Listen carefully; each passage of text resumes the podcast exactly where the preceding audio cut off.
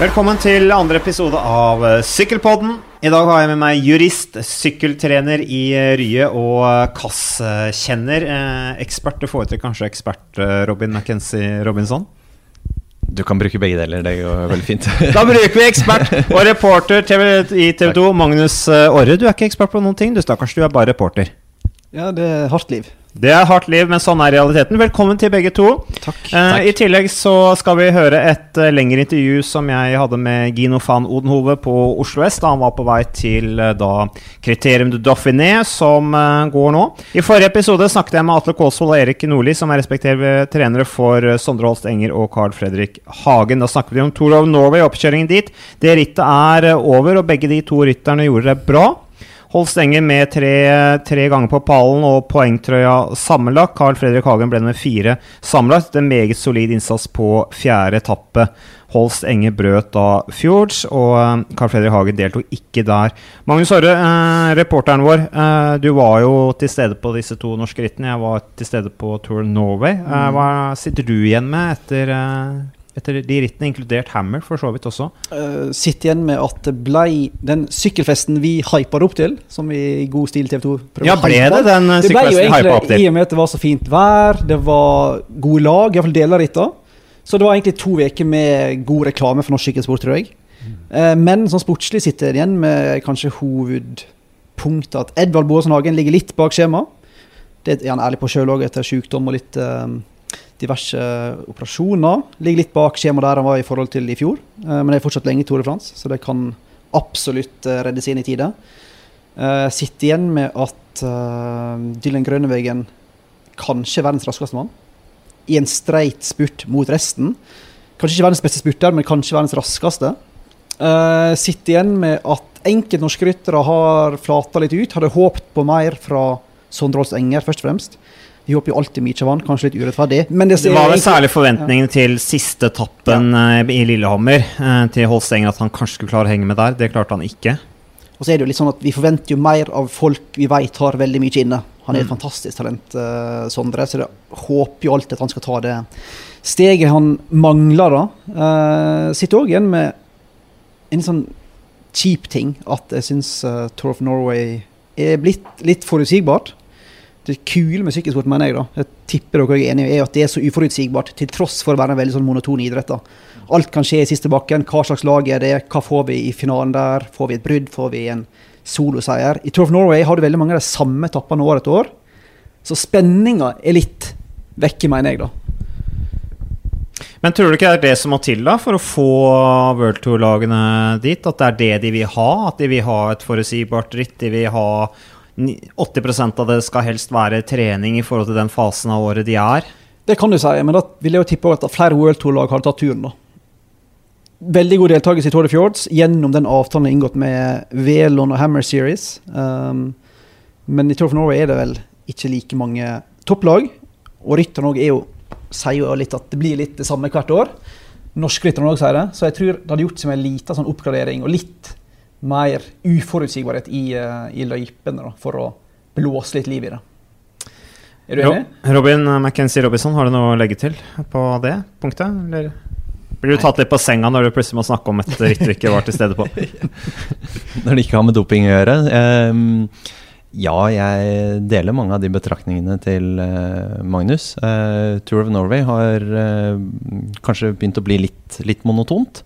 Det var jo fryktelig fint å se på med været og god norgesreklame. Men personlig syns jeg Tour de Fjords var et mer underholdende ritt. Og så vidt jeg vet, så var det en del nye løypetraseer der i forhold til hva som har vært tidligere. Og det gjorde rittet bare godt. Eh, apropos uh, Tour Norway. Uh, jeg snakket om at eh, i innledningen her at jeg har eh, snakket med Gino van Odenhove, og nå skal vi høre hva han har å si om eh, de to norske rittene. De var jo ikke med på Hammer Series Dimension Data, men eh, også veien videre for det, det sørafrikanske World Tour-laget og Edvard Baasen Hagen, samt tilstanden da med i forhold til alle skadene og problemene som er blant eh, kjerne basen av ryttere de har i det laget, og veien fram mot eh, Tour de France. Skal vi høre hva Gino har å si?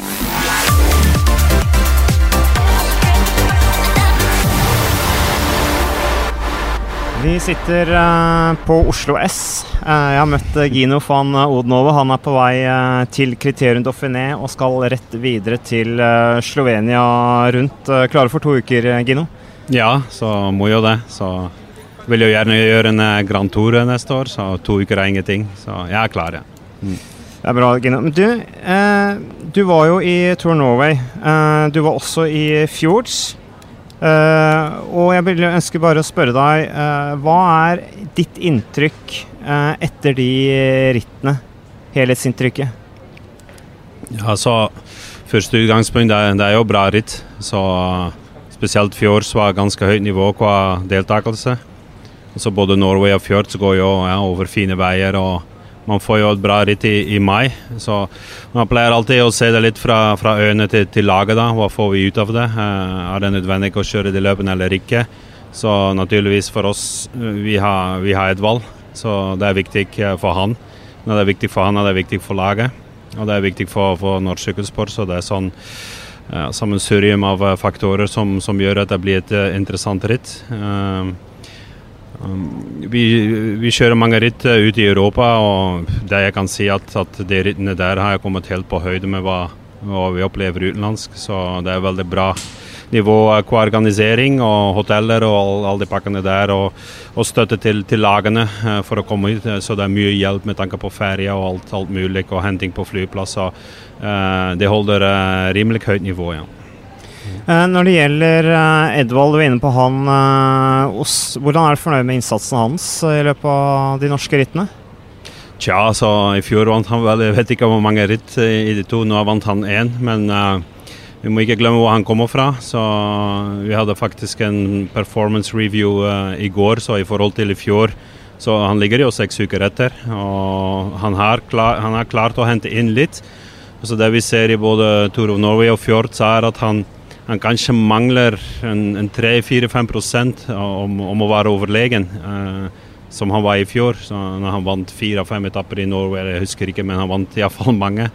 Eh, det gjør han ikke i år, eh, men vi ser at det begynner å komme noen signaler at han er på vei. så uh, Dauphiné nå skal utvise oss sammen med NM om, om han kan ta de siste prosentene og være på akkurat samme nivå som i fjor når han startet Tour de France.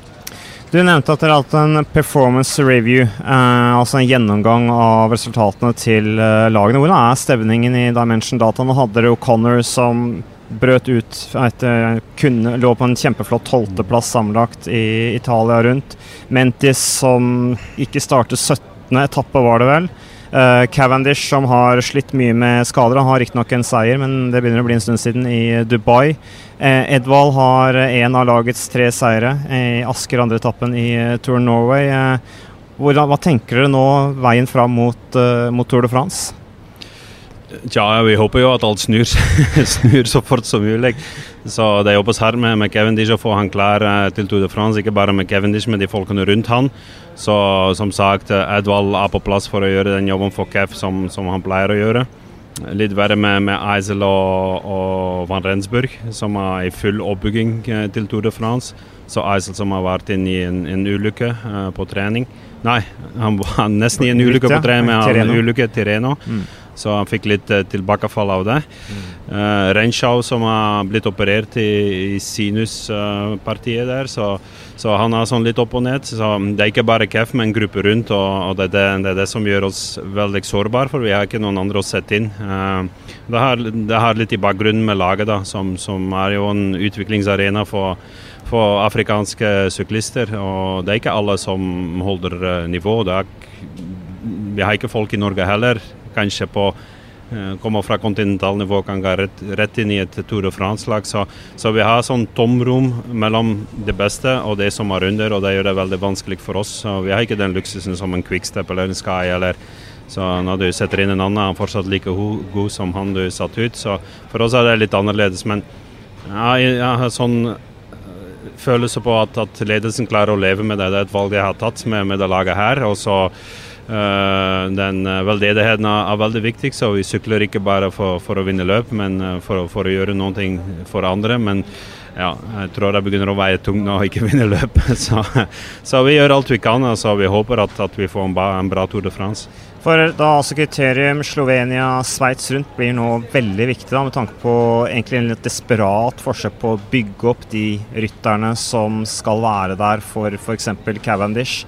Du nevnte jo Renshaw, du nevnte Eisel, eh, van Rensburg. Tre veldig viktige opptrekkere. Det, høres nesten ut som Edvald blir viktigere enn noen gang for, for, Cavendish, hvis Cavendish kommer i form til Tour de France? Ja, det tror jeg nok. Så jeg tror nok at rollen kan endre seg litt eh, fra før. Så alt avhenger både om formen til, til Renshaw, som pleier å være siste opptrekker, og så den kapteinen rundt hele opplegget med, med Eisel.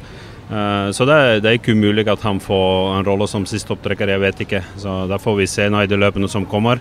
Så Cavendish eh, skal vel avslutte forberedelsen med et nytt løp i Italia som heter Adriatica Konia eller noen ting. Så, så, og der kommer de til å sette hele gruven sammen, unntatt Edvald fordi han skal kjøre NM. Men der kommer Varensburg, Renshaw, Eisel og Keff eh, til å kjøre en siste gang sammen. Og jeg tror en av de eneste gangene de har kjørt alle sammen i år, så det blir egentlig den viktigste testen. Så Dauphiné, Sveitsrund blir nok mer som, som trening og oppbygging og se hvordan formen er til de, de fleste. Men det siste rittet der blir sånn siste pekepinn hvor vi står. Uh, tilbake til uh, Tour Norway. Uh, de norske kontinentallagene. Jeg regner med at du hadde et litt spesielt blikk på, på ditt tidligere gamle arbeidsgiver Joker i Gopal. hvordan syns du de leverte sånn generelt, de norske kontinentalrytterne i Tour of Norway og Fjords? Jeg syns jeg er litt, ja, på litt samme nivå som før. Det, er, ikke, det er ikke, enkelt.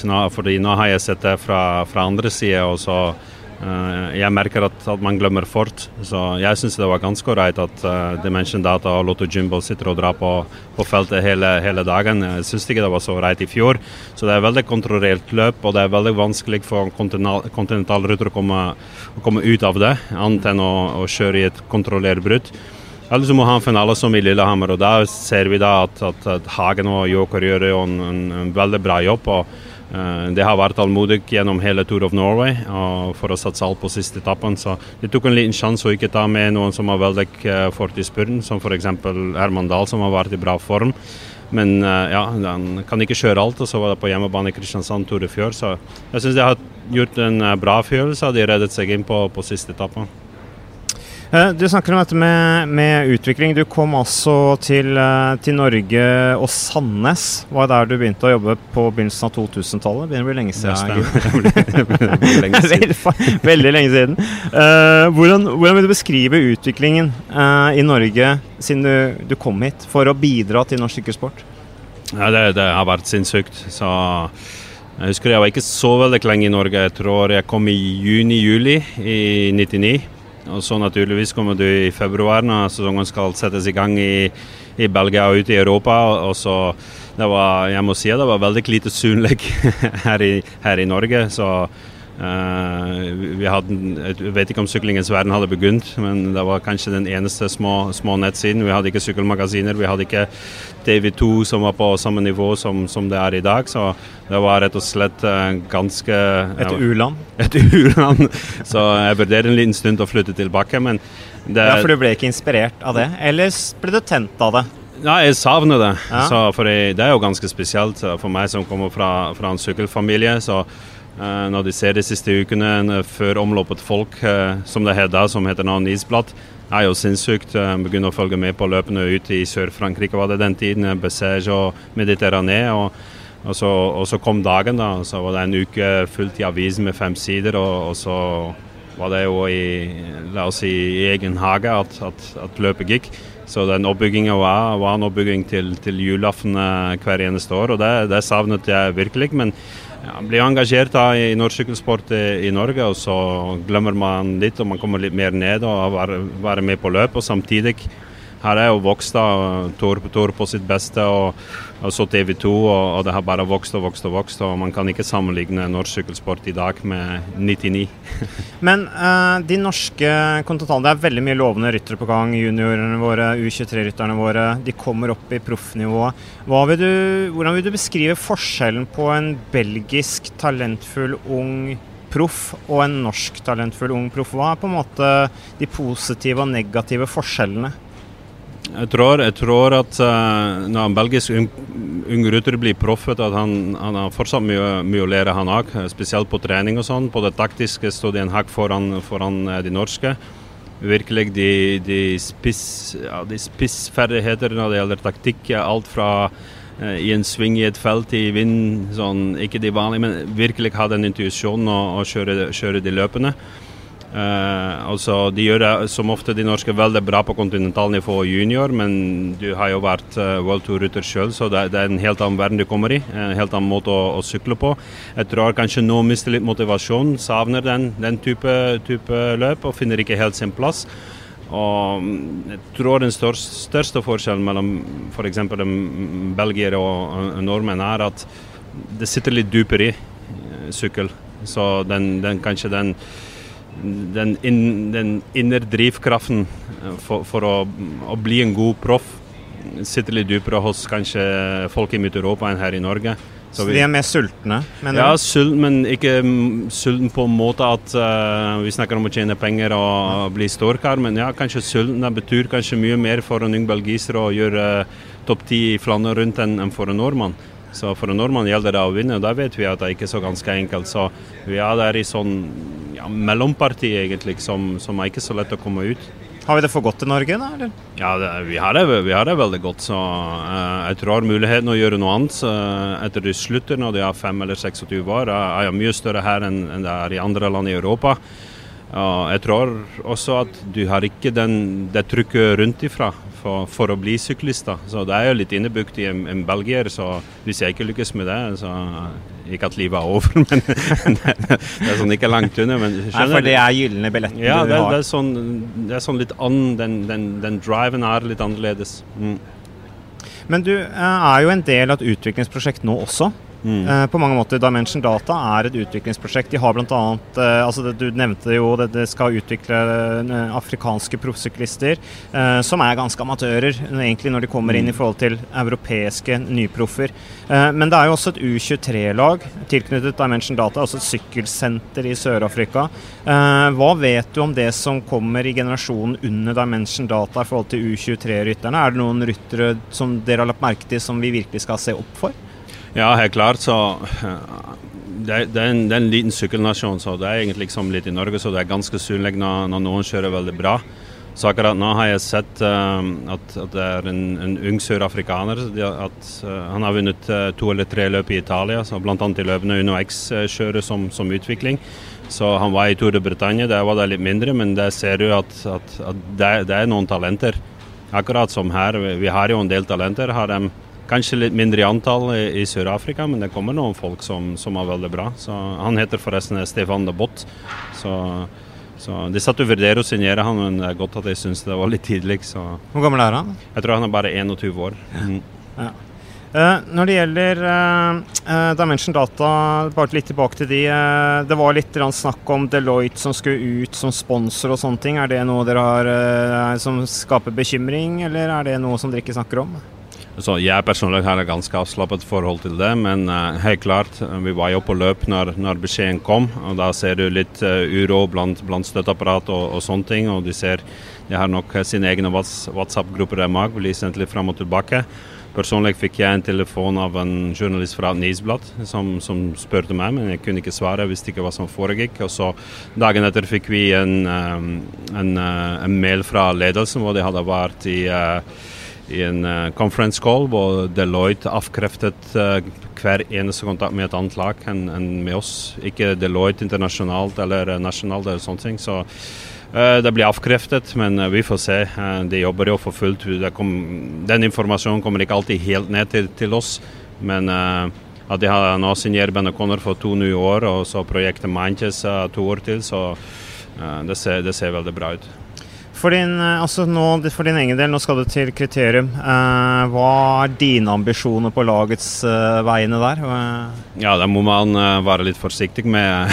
så jeg kom til Tour of Norway med ambisjoner å vinne fem etapper, og vi vant én. Så uh, vi har utenom Kjærspaus ikke noen klatrere, så det, dette er et rent forberedelsesløp til, til, Tour de France. Og vi sitter jo fire dager i Alpene, kjører over kjente fjelloverganger.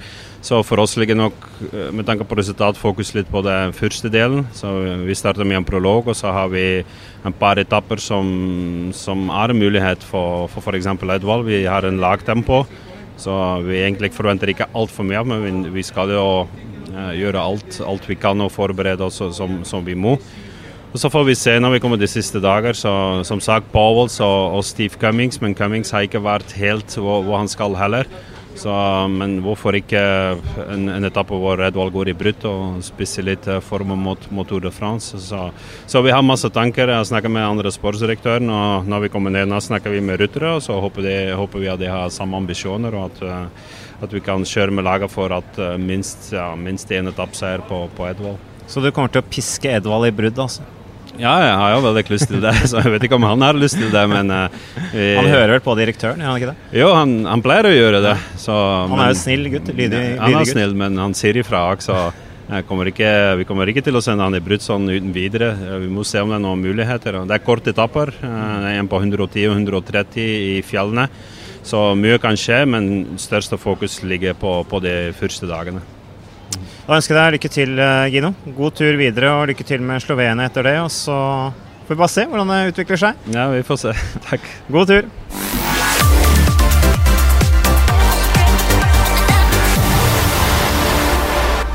Og så over til noe annet! Chris Froome vant nylig Italia rundt i eh, imponerende stil gjennom et monsterbrudd på 19. etappe. Uh, med det så har han altså vunnet Frankrike, Spania og Italia rundt. Spørsmålet er også om han vinner da årets Frankrike rundt. Uh, videre om han i det hele tatt får stille, om han uh, beholder seieren sine, siden han da testet positivt i Spania rundt i fjor. først, Magnus. når Froome vinner så kommer alltid tvilen til overflaten.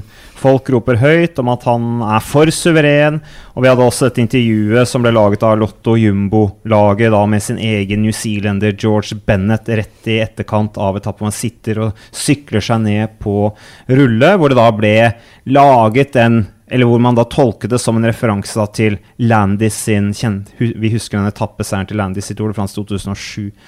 Uh, som vi jo vet at Landis var, var, dopet, og som er som et slags skrekkesempel i, i sykkelhistorien. Kan dette sammenlignes, uh, Magnus? Jeg tror det er ei grov skivebom å sammenligne de to uh, tinga. Mange ting å peke på som er forskjellige. Hovedpunktet må være at Landis i 2006 var 2006, ja. ti minutter bak før han gikk på et enda lengre solobrudd. Og Froome gikk på et 80 km solobrudd Uh, var bare noen få minutter bak i sammendraget. Kortere, etapp, kortere distanse i brudd, mindre kupert. altså Floyd gikk jo med fem. Fem bakker. Han skulle over Cécy, han skulle over Colombier, Aravi, Chatillon, han skulle over Choplan. Fem fjell. Froome skulle opp tre. Det er med vesensforskjell. Uh, samtidig som si, sammensetning av rytterne bak Froome og Landis var veldig forskjellig. Mens Landis sykla mot det faktisk var et helt felt lederne av Carlos Astre, Cade Evans, Andreas Kløden, Oscar Pereiro som til slutt vant. Alle lagene sykla egentlig mot Landis. Det vi, så, det vi så i um, Giron, var faktisk at Froome sykla mot en og en halv rytter, kanskje. Tom Dumoulin i gruppa bak kjørte fullt. Thibaut Pinot kjørte ikke fullt. Han hadde med seg en rytter som heter Sebastian Reichenbach, som ble beskrevet som ei gammel dame på sykkelen av Tom Dumoulin. Og hadde med seg Rikard Carapaz og Miguel Ángel Lopez, som hadde en egen kamp om den hvite trøya. Med andre ord sykla de, deltok de ikke i jakta på Froome. Uh, det gjorde de på alle mulige måter i 2006 eh, bak Floyd Landis.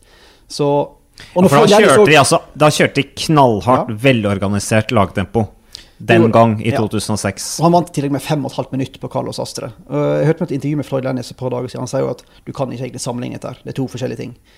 Og når både Michael Rasmussen og Floyd Landis, to av de mest tabloide, omstridte og kontroversielle dopingstemmene, kan vi kalle det. Ja, og de er ikke akkurat redde for å så tvil om folk nei, heller. De sier akkurat det de mener. Og når begge to sier at dette her var faktisk innafor, isolert sett, vel å merke, ikke nødvendigvis Froome og Team Sky i et større perspektiv, men den etappen isolert sett var innafor, da tenker jeg at uh, for en gangs skyld bør vi kanskje høre på Floyd Landis.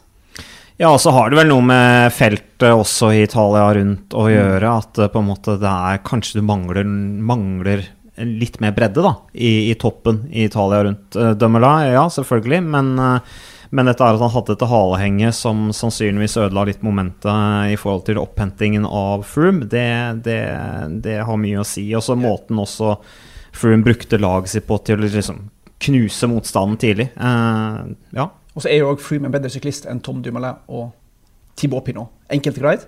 Han tok halvparten av tida, hvis jeg har regna riktig, setter om igjen, på utforkjøringer eller på flatene. Så jeg mener den er innafor. Hva skal du tenke, Robin? Jeg syns det er vanskelig å være så uh, klar på det, for jeg, jeg, ønsker jo å mene det samme. Uh, og jeg kan langt på vei gjøre det også, uh, men det er jo denne dopinghistorikken og dette som vi har sett tidligere, at når vi ser prestasjoner som kan nesten da virke som å være litt for gode til å være sanne, så er de Eller i hvert fall tidligere har de vært det.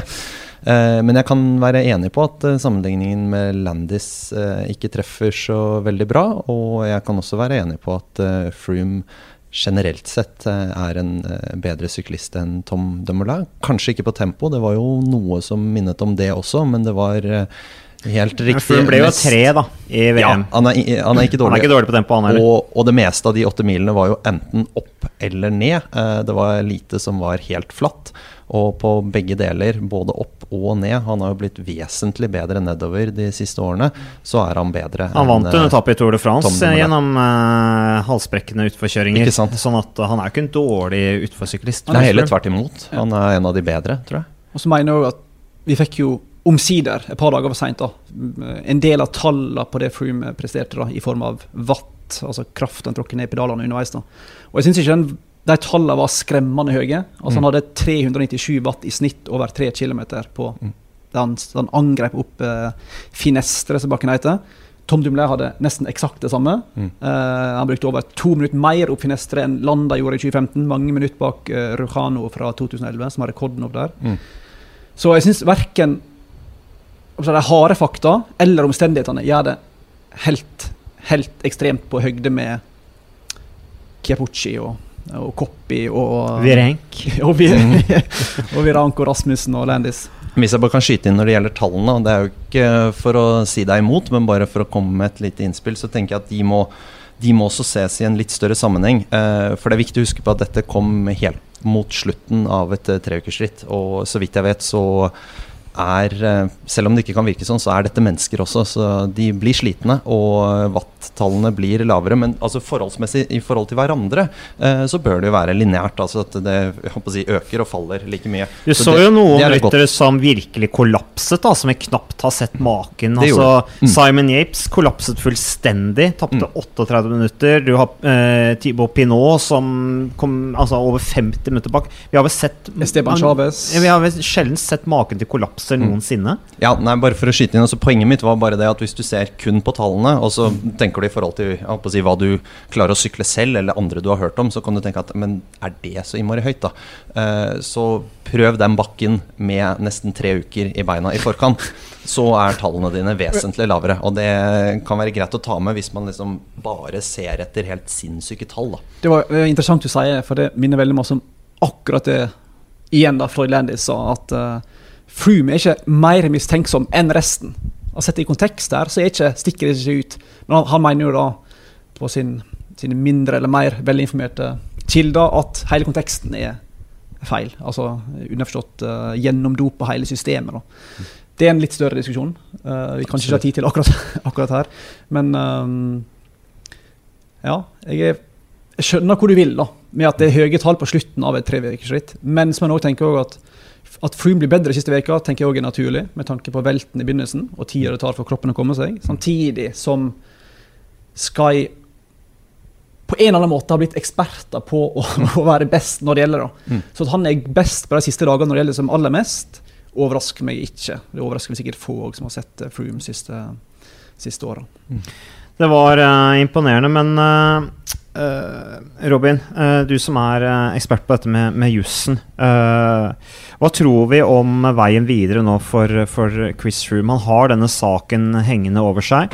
du hadde nylig et intervju i procycling.no hvor du snakker litt om dette her. Hva, mener du om mulighetene hans i forhold til den dopingsaken for Sabutamor? Blir han frikjent? beholder han resultatene? Får han det hele tatt stille i Tour de France? Hva, hva tror du skjer? Som ekspert burde jeg jo ha ganske klare meninger og komme med noe fornuftig til denne podkasten om nettopp det. Men eh, det er ganske vanskelig altså, å mene noe helt eh, bestemt om. Eh, men vi kan jo prøve å tegne opp forskjellige scenarioer av hva som kan skje. Og så får vi, får vi bare se da, hva som er mest sannsynlig. Det syns jeg er veldig vanskelig å vite noe om. Og det er jo kanskje hele problemet med den saken her, er at ingen vet. Det sprer jo en usikkerhet i uh, hele sykkelfeltet. Det går utover troverdigheten til sykkelsporten. Man ja, hvorfor det, Robin? Altså, det er jo ikke noe annerledes i sykkelsporten enn det er i alle andre idretter. Det er jo sikkert hundrevis av lignende type saker over hele idrettsverden, hva det måtte være av forskjellige idretter. Sykkelforbundet følger jo bare de samme reglene som alle andre særforbund, gjør det ikke det? Jo da, det er riktig det. Uh, og nå er den saken her litt spesiell med tanke på at uh, hvis vi går tilbake på, til til starten holdt jeg på å si, av selve saken, eh, så ble noe informasjon her lekket, så vidt jeg vet. Eh, som i og for seg er informasjon som aldri skulle ha kommet ut. Eh, og, der er det en, en, en parallell uten egentlig sammenligning for øvrig til f.eks. Sundby-saken, som mange nordmenn kjenner relativt godt. for den saken ble jo holdt hemmelig lenge. Og, sånn som den skulle? Ja, og det er ja. ikke noe galt i det. det er helt, helt fint. og, og der kom, blir jo egentlig bare avgjørelsen kjent hvis én utøveren blir dømt, og to utøveren da får en eller annen form for utestengelse. Og det skjedde jo i Sundby sitt tilfelle og der ble saken offentlig, og da måtte du ha den mindre vellykkede pressekonferansen osv. osv. uh, I i Froome-saken så er vi jo ikke der i det hele tatt. Vi har ikke kommet dit. Vi er egentlig uh, bare i startsgropa, tro det eller ei, selv om det har gått fryktelig lang tid. Ja, det er jo mye de skal igjennom dokumentasjon. Ja, vi har 1500 sider eller noe. Ja, det kan vi komme tilbake til. Mm. Det er jo uh, sprøtt i seg selv. Men uh, vi er på etterforskningsstadiet. Uh, så hadde denne saken fulgt normal prosedyre, så er det ingen som hadde visst noe som helst, unntatt Froome og selvfølgelig noen i hans nærmeste krets. Men da må jeg bare spørre deg som ekspert på fagfeltet. Jeg har en oppfatning at sånne saker som dette her bør holdes hemmelig. Mm. Er du enig i det? Det er en uh, mulig podkast i seg selv, kanskje. altså Hvis de har vært medlem av MPCC, da, Moment pour Cyclisme Credible, som da altså ble starta av min gamle manager i Credi Aricol, som jeg mener at alle World bør være medlem av. Eh, det er min mening, da. Uh, så ville de, han jo ikke da kunne konkurrert. Og sånn som Tom de Melin og flere andre kollegaer av Chris Room har jo gått ut og sagt de syns ikke Chris Room burde stille til start. Og Tom de Melin har også sagt at hadde det vært meg, så hadde ikke jeg fått lov til å konkurrere pga. reglene. Jeg er under overordnet gjennom mm. eh, MPCC. Mm. Ja, det er jo for et interessant poeng, men, men jeg tenker jo at spørsmålet er jo i hva grad offentligheten må vite absolutt alt til enhver tid. da. Mm. Jeg tenker med god grunn at Zumbi sin sak ble holdt unna mm. offentligheten. Mm. Jeg mener òg med god grunn at denne saken her burde ikke blitt lekt. Det skjønner jo alle, den burde ikke blitt lekt. Mm. Og jeg mener òg ville være galskap av Froome da, eller galskap av helt å si jeg skal ikke sykle Tour de France, for mm. det, det skader sykkelsporten. Mm. Det er jo ikke hans feil at noe som mm. uh, For et hans forsvar, for en gangs skyld, skulle vært konferensielt, plutselig har blitt allemannseie. Mm. Og jeg tenker jo det med god grunn at en holder sånne ting hemmelige. For vi kan ikke få et system der alt som ikke er ferdigbehandla, blir offentlig, mm. får et helt lovløst samfunn i idretten. Det er jo ikke sånn i ellers i samfunnet. Det kan jo ikke være sånn i sykkelsporten. Nei, og da er det ikke snakk om å holde det hemmelig av konspiratoriske årsaker og fordi noen har mulighet. Altså Reglene sier at den type saker skal holdes hemmelig, mm. Mm. sånn som du var inne på, Robin. Mm. Frikjent, si, til motsatt er bevist. Uskyldig ja. heter det kanskje. Ja. Så vi kan vel konkludere med at det er galt at denne hele tatt saken har kommet ut i offentligheten? Jeg mener jeg i hvert fall. Jeg vet ikke hva du ja, altså jeg tenker at det er en, en, en, en overordnet uh, diskusjon som må tas på, på en måte de som lager Og da tenker jeg det overordnede regelverket. Selv syns jeg det er egentlig bare en liten digresjon, men det har litt med, med saken å gjøre for det. Altså at det er uheldig at det, det må dannes uh, f.eks. sånne organisasjoner som denne MPCC ble riktig. Ikke noe galt om den organisasjonen i det hele tatt, men det er jo et kaotisk system når du har eh, folk som sykler mot hverandre, og noen har underlagt et mm. regelverk, og noen har på en måte frivillig underlagt seg strengere regler. Altså, Fordi at WADA-reglene ikke er strenge nok. Nettopp. Mm. Så det er, jo, det er, jo, en tilbakemelding til de som eh, lager reglene, om at man kanskje må se på dem, og eventuelt gjøre noen endringer. Eh, men jeg tenker at det, det, ideelle må jo være å ha ett regelsett som gjelder for alle, og at man slipper å ha eh, sånne å si, frivillige grupperinger som noen underkaster seg, og noen velger å ikke gjøre det. Nettopp fordi det lager et uh, småkaotisk bilde, og du får på en måte uttalelse fra andre ryttere om at han burde stille til start, han burde ikke stille til start. Sånn og sånn og sånn. Altså, da hadde det vært lettere å være konsekvent, og kanskje også lettere overfor publikum og de som ser på, å egentlig skjønne hva som skjer. Magnus, du uh, har noe på hjertet? ja, for jeg er egentlig helt enig med deg, Robin. Jeg er enig i at MPCC er en god tanke. Men jeg mener ikke at lagene skal være en del av den. Altså Målet må jo være at MPCC-reglementet blir tatt opp av UCI, og at alle forholder seg til det reglementet. For jeg er helt enig med deg at i en situasjon der en har, eh, som vi har nå, der folk kan bruke forskjellige medisiner, enkelt og greit, mm. da ber en om det kaoset en havner i. da.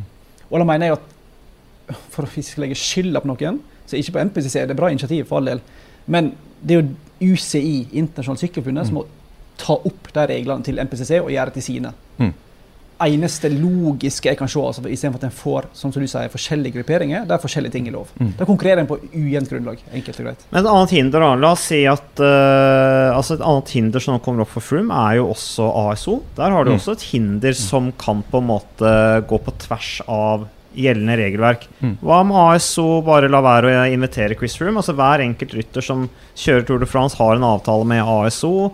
Uh, vi husker denne saken til Tom Bonen. Uh, jeg husker ikke nøyaktig hvilke år det var, men det var, han var positiv på kokain. Mm. Uh, Tour de France vil ikke ha han med. Han gikk til, til sveitsisk høyesterett eller hva det var, og, og fikk igjennom deltakelsen sin allikevel. Uh, hva tenker vi om det? Det blir jo i samme sporet, da. Det blir igjen et sånt for å sette det på spissen, et lovløst samfunn der hver enkelt arrangør av sykkelritt skal bestemme, mm. selv om du ikke bryter reglementet, skal du ikke få lov til å stille opp. Jeg snakka litt med en del folk i miljøet på, under Hammer Series, forskjellige sånne lag sjefer der om den muligheten for å kunne utstenge Froome. Og de sa at det er helt urealistisk. For det første fordi de prøvde med bonden, ble, fikk stryk i KAS, tapte mm. masse penger. Og nummer to fordi den regelen egentlig er skapt for å hindre folk som har kriminelle saker pågående. Altså hvis du da i mm. et drøyt tilfelle har en, en voldtektssak, eksempel, sånn som vi ser i, i norsk fotball nå. Mm.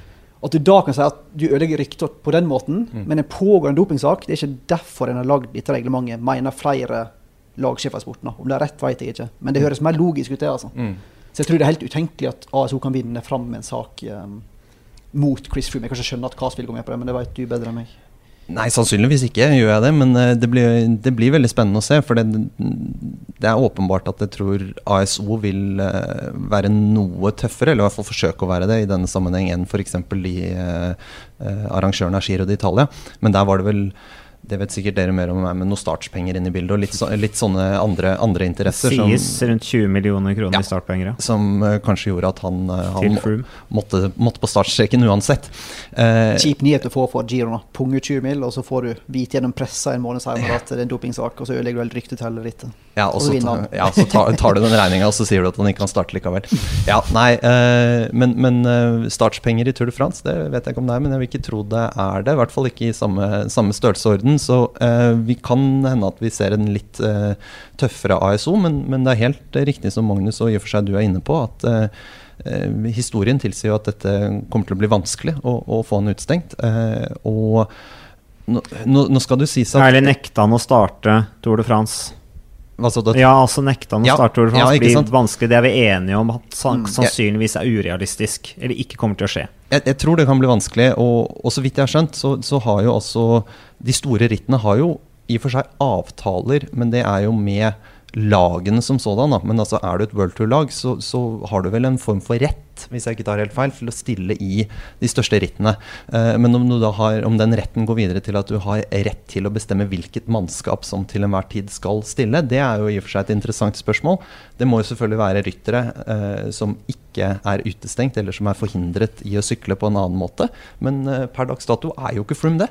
Så da er jo kanskje han en del av denne rytterpoolen som Sky kan velge fritt i. og det laget de på en måte har rett til å melde inn til Tour de France. Mener vi at det ville vært feil av ASO å nekte Froome å starte i, i, Tour de France? 100 feil. Mm. Jeg tror det bare vil forsterke inntrykket vanlige folk har av sykkelsporten som en fullstendig kaotisk og lovløs sport. Men tror du ikke det... publikum tenker at ja, men han har en dopingsak hengende over seg, hvorfor stiller han til start? Tror du ikke det? Altså Publikum som egentlig ikke jo. kan så veldig mye om dette her, tror du ikke de tenker det? Men jeg, jeg mener at de kan rett og slett ikke ta hensyn til hva sagt på en stygg, stygg måte, da, uinnvidde da, tenk om det. Altså Det må være mindre tabloid enn som så. Eller mer tabloid. Mm. En må kunne ha mer um, en må kunne ha et regelverk en skal følge. Og hvis, hvis du da ikke skal følge det, men heller tilpasse deg hva vanlige folk på gata syns, Mm. da blir det jo anarki. Så vår oppfordring her er bare slett at folk holder seg til reglene. Enkelt, Enkelt og greit. greit. Inkludert Det- Verden ville vært blitt et mye lettere sted å være da. Det er Men- jo i og for seg musikk i mine ører, så det må jeg være enig i. Men en, en, bare kaste inn en liten sånn Denne tanken har jeg ikke tenkt så mye på selv, men, men eh, et litt sånn tankeeksperiment når det gjelder denne invitasjonsprosessen. fordi at man kan jo, og det er mulig jeg bommer helt der, men man kan trekke en liten parallell til eh, Og det er mulig at ASO går i den retning. Litt dette som skjedde med eh, De kommer alltid opp, disse russerne, når vi snakker om dopingsaker. Men, eh, men Stakkars russerne. ja, ikke sant. Men jeg vil til vinter-OL. Og jeg vil til disse berømte russersakene som var oppe i KAS, hvor plutselig en god del av dem, sjokkerende nok for mange, ble frikjent. Eh, og da trodde jo mange, eh, selvfølgelig russerne inkludert, at eh, da var det jo bare å stille til start i OL. Men så kommer man fram til via enda en KAS-avgjørelse, som det gikk jo relativt raskt, at nei da, det er ikke helt det samme. Fordi at sagt på en veldig forenklet måte, de har rett til å invitere hvem de måtte ønske, men det må gjøres etter kriterier som enkelt sagt ikke er diskriminerende, da. Eh, og nå skal ikke vi gå inn på hva som være, kan være diskriminerende eller ikke, eller om det i det hele tatt er en god sammenligning eh, i forhold til eh, Froome-saken, men at ASO kanskje tenker litt i, i, i samme retning. At dette er vårt arrangement.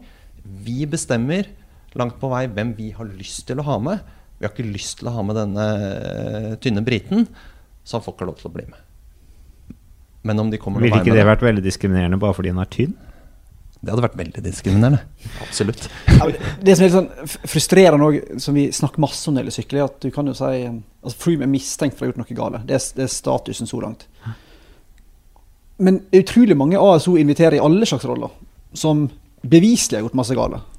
Som Eddie Merck, som har testa positivt tre eller fire ganger. Ja, Men er ikke Han dette er- her bare noe ikke sant? De må på en måte de har produkt, de har, de har også Jo, men det blir så produkt. gjennomsiktig kommers, da. Og det blir på en måte ikke likhet for loven, for å bruke De må jo markere seg overfor sponsorene og publikum og media at de er bevisst. Men jeg føler jo litt mer, mer free med det jeg prøver å si, da. Ja. Og på samme måte som, hvis jeg kan si det høyt, Lance Armstrong, som en tar enkelte som er ikke velkomne, mens andre som av en eller annen grunn, på en eller annen måte, eh, er velkomne, selv om de har gjort det samme eller verre ting.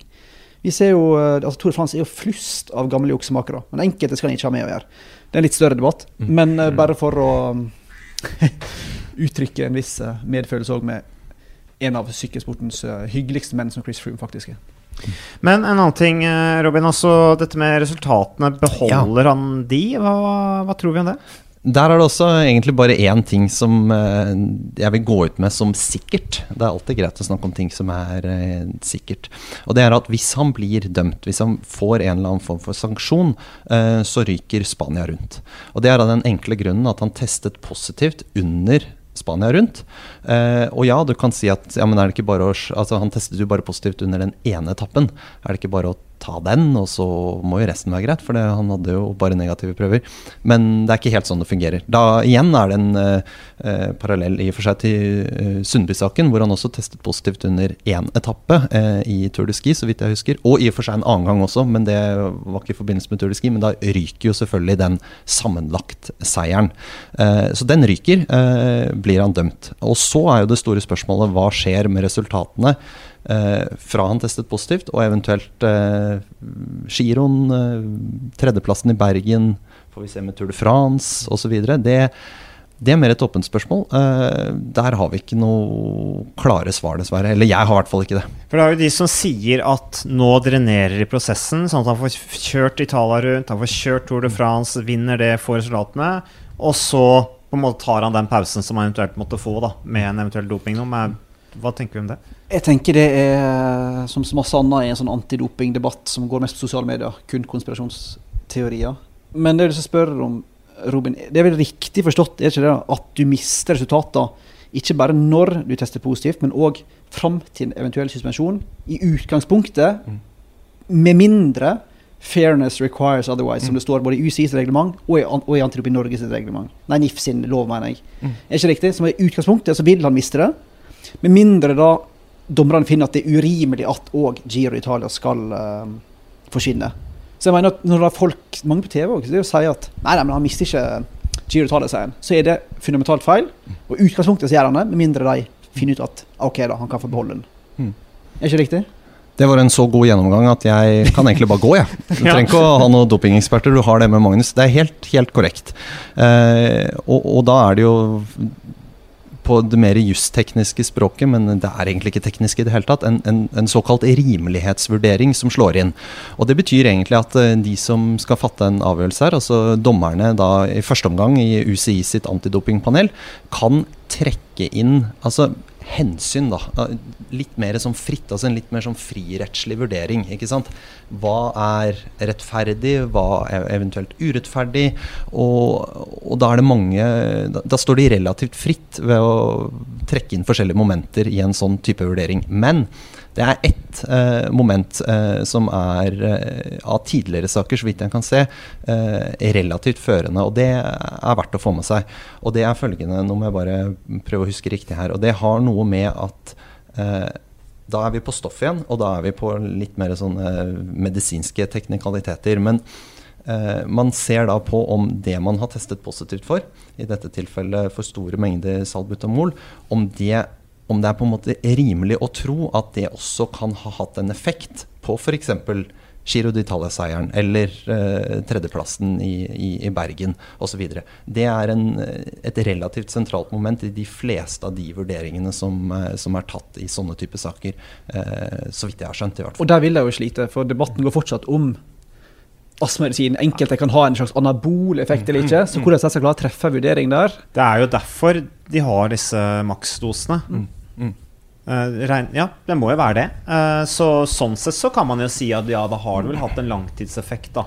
Men så sier noen at den forskningen er dårlig. sant? Så skyter det. Men jeg, jeg spør deg, Jo Robin, for du snakka litt om Sundby, som en lignende mm. sak. Mm. Mister resultater han testa positivt i. Mm. Så har du mange sammenligninger med Petaki som Ja. mista bare der han konkurrerte, mista bare Giro d'Italia, Ja. men ikke det imellom framtidsstasjonen. Riktig. Diego Ulissi, som mista bare én etappe, Ja. Men ingenting annet. Mm. Og så er det mange eksempler på folk som mister både der de konkurrerer, og alt fram til suspensjon. Mm. Hvordan kan et system være så vilkårlig, sett utenfra i alle fall? Hvordan kan det variere så masse for lignende substanser i samme type idretter? Mm. Hvordan går det an? Uh, Nå har det vel utviklet seg noe da, siden Ulissi og Petaki også, vil jeg tro. Uh, det begynner Ja. å bli noen år siden eh, det. Petacchi var 2007, var det det?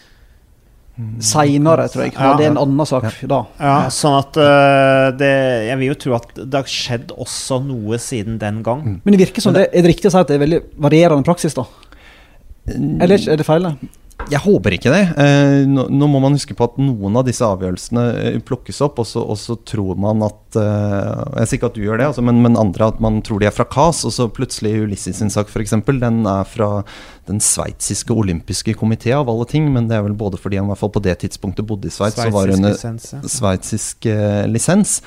Eh, og, og, og den har ikke nødvendigvis så eh, stor eh, rettskildemessig vekt. Og sagt på godt norsk så betyr det at den, det resultatet er ikke nødvendigvis veldig førende for eh, fremtidige avgjørelser. Og der er vel også sakspapirene ikke offentlige osv. osv. Eh, men jeg håper og tror at resultatene i de sakene ikke ikke nødvendigvis er så vilkårlig som man kanskje eh, kan få en viss oppfatning at, at de er. Og jeg, da, da snakker jeg om KAS-avgjørelsene.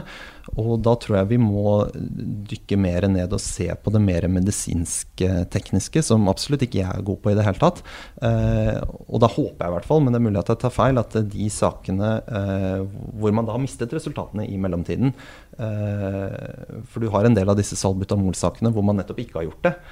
Mens i andre saker så Men som sagt, dette vet jeg jo ikke. så kanskje det er mer klarere stoffer som man typisk får i seg, og som har en langtids prestasjonsfremmende effekt. Altså sånn typisk anabole steroider eller EPO-bruk. Men det trenger ikke å være så klart heller. Eh, og det er jo nettopp det man eh, når, når, saken skal opp og frem, skal, da fører man gjerne beviset for dette. At eh, for store doser astmamedisin har ingen effekt bare der og da den enkelte etappen. Og selv da er det bare opp til et normalnivå. Mens de, motparten vil sannsynligvis si at jo, jo, men her er det forskning som sier at dette har en anabol effekt som vil henge ved over lengre tid osv. Og, så og så, så er man uenig, da, og så har man dommere som forhåpentligvis uh, treffer en, uh, en, god avgjørelse. Når tror vi at vi kan få en avgjørelse? Er det noen som tør å spå på det? Ikke før Tour de France. Nei, og ikke under, sa vel mm. presidenten i Internasjonale Forbundet. Så det mm. blir vel en gang på høsten nå. Men det blir òg sidespor spennende å se på sikkerheten til Chris Froome. Altså, siste året har vi sett han har blitt slått til. Han har mm. fått kasta urin på seg, eh, blitt bua. Mm. Med doping, mulig dopingdom hengende over seg må han ha mer enn den ene sikkerhetsvakta han går rundt med i Tour de France i sommer. Altså. Mm. Det kan bli ganske heftige scener når franskmenn, sinte franskmenn, mm. som kanskje drukner litt opp i fjellet i tillegg, mm. Det kan bli um, Vi så jo noen tendenser i Italia rundt og med noen sånne levende salbutamol. ja. Da gikk det jo ganske fint, da. Ja, det gikk fint, men, uh, men, jeg er helt enig. Jeg er også litt bekymret for akkurat det der. Og, og det er for så vidt ikke noe nytt fenomen. Altså, Eddie Merx har også blitt slått til så han fikk brist i ribbeina mm. på, på, hans tid. Uh, mm. Så så, men, men, eh, det vi kan eh, Ble vi noe klokere av dette her? Altså, hva, hva, endte vi opp med, egentlig? Altså, vi endte opp med ja, vi tror ikke Tour de France kommer til å, til å, til å håndheve dette her at, Eller de, de, kommer til å invitere Quiz Room Milan for sykle, det ble vi enige om. Ja, altså. Vi ble enige om at uh, det kommer til å ta lang tid uh, før denne saken blir løst. Uh, vi ble vel ikke helt Det er fremdeles veldig usikkert om han beholder resultatene. Eh, mm. Helt sikkert mm. at han mister de fra, fra Spania rundt. Og så får vi mm. se. Sannsynligvis beholder han vel også da Italia rundt uh, seieren.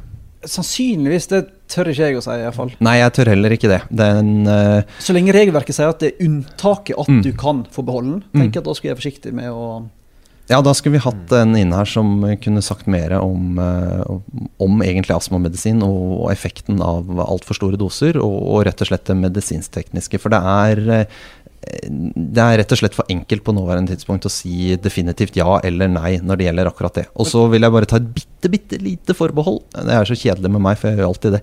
Når det gjelder dette med å bli eh, invitert eller ikke invitert. Jeg er, eh, jeg er, kanskje ikke så klar som Magnus. Jeg er litt mer spent egentlig på å se hva som skjer. Jeg tror eh, det er heftig møtevirksomhet, i hvert fall hos ASO. og jeg jeg tror nok de sånn rent kommersielt ut ifra deres produkt osv. Og, så og, og ståsted i, i, Frankrike og verden kanskje gjerne skulle ha sett at han ikke eh, stiller til start. Og i hvert fall utreder de mulighetene de har for å forhindre han i, i nettopp det. Og så får vi se hvor, eh, hvor, det ender, men der hvor Magnus har helt rett, og i og for seg du også, er jo at eh, historien tilsier at eh, det muligens ikke går bra. Og så får vi se om det er helt søkt å dra noen paralleller til eh, det vi så under vinter-OL. Dette med at eh, vi inviterer de vi ønsker å invitere, og, og det er på en måte vi som arrangør som har rett til det. Se om de kommer noen vei med en sånn tankegang. Så er det verdt å legge til at UCI, altså Internasjonalt forbund, også har vært veldig obs på å si at han kan miste Giro, sier han. Det var jo rett før Giroen at Mauro Benni, som da er ja, rittleder for Giro Italia sa at samme hva skjer her, så beholder resultatet. Det tok jo mm. da UCI ca. en mm. halvtime. Mm. Raskest de noen gang har respondert mm. det tredje forbundet, på å sende ut pressemelding og si at det har vi aldri sagt, mm. det kan vi ikke garantere. Mm. Så jeg tipper Nei, ikke jeg tipper, det er farlig. Men det er på langt nær sikkert hva som skjer med den Giro Italia-seieren. Det er i det hele tatt en vidunderlig tid med masse usikkerhet. ja, ikke sant? ikke sant? Uh, interessant i forhold til uh, hva som skjer videre med, med, med dopingarbeidet. I mm. forhold til hvilke, hvilke, premisser den saken der uh, tar med seg videre. Mm. Men Magnus Åre, reporter i TV2 Sporten, og Robin McKenzie Robinson, KAS-ekspert og jurist. Jeg takker for, for engasjementet. Er det noe dere vil legge til? Um, kan du skyte inn én ting som vi snakka litt om, og som vi kanskje lovte å komme tilbake til? Eh, fordi eh, Jeg syns jo det var interessant. Det kommer nå over helgen. Eh, denne eh, altså bevisoppgaven, hvis det går an å kalle det det, da, til, eh, til Sky, eh, som, som, er på den nette summen av 1500 sider. Og en sånn, Det var ikke akkurat en pressemelding, men det var vel en litt sånn småirritert, tror jeg, sjef fra UCI som, som sa at for De har vært veldig tilbakeholdne med å si, fordi mange har jo spekulert i at uh, taktikken til Froome må jo være å dra dette ut, sånn som du var inne på, Mats. det er jo normalt at man vil forsvare seg. Jo da, men man, man, man, man, ønsker en avgjørelse etter de store ja, sånn, ja. osv. Mm. Uh, men, men UCI har vært veldig tilbakeholdne med, med, å si noe om det. At nei, vi kan ikke liksom se at det, det er taktikken, og har ikke noe belegg for det. Men, men nå over helgen syns jeg de var ganske klare, som sa liksom at uh, det står ikke på oss, liksom. Fordi prøv å lese 1500 sider med, med teknisk om uh, astmamedisin. For det første så sovner du, og for det andre så er det sikkert vanskelig tilgjengelig stoff. Og det skal jo vurderes på en, på en ordentlig måte. Og når du leverer det, uh, som, som, Sky og Froome har gjort, for å si det veldig enkelt, da, så har du ikke noe ønske om at det skal fattes en avgjørelse raskt. Det har du ikke. Det må vi er sommerferie. Si. Kassefolka de har jo ferie, de også?